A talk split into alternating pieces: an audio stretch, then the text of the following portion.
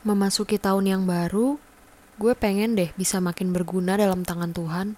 Terlebih, gue pengen bisa bawa orang kenal Tuhan Yesus. Tapi siapa ya? Kamu lagi bingung siapa yang pengen kamu bawa kepada Tuhan? Yohanes 4 ayat 35 berkata, Lihatlah sekelilingmu dan pandanglah ladang-ladang yang sudah menguning dan matang untuk dituai. Bagi murid-murid, mereka harus menunggu empat bulan. Tetapi bagi Tuhan, lihatlah dan pandanglah. Tuhan tidak membutuhkan pekerja yang menunggu pekerjaan itu datang, tetapi mereka yang melihat dan memandang pekerjaan itu sudah siap untuk diselesaikan. Ada seorang penginjil bernama D.L. Moody. Hari sudah hampir malam ketika dia hendak tidur. Dia teringat kalau hari itu dia belum menginjil untuk membawa orang kepada Tuhan.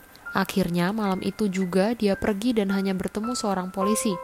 Polisi itulah yang dia kabarkan Injil dan pada akhirnya polisi itu menerima Tuhan Yesus.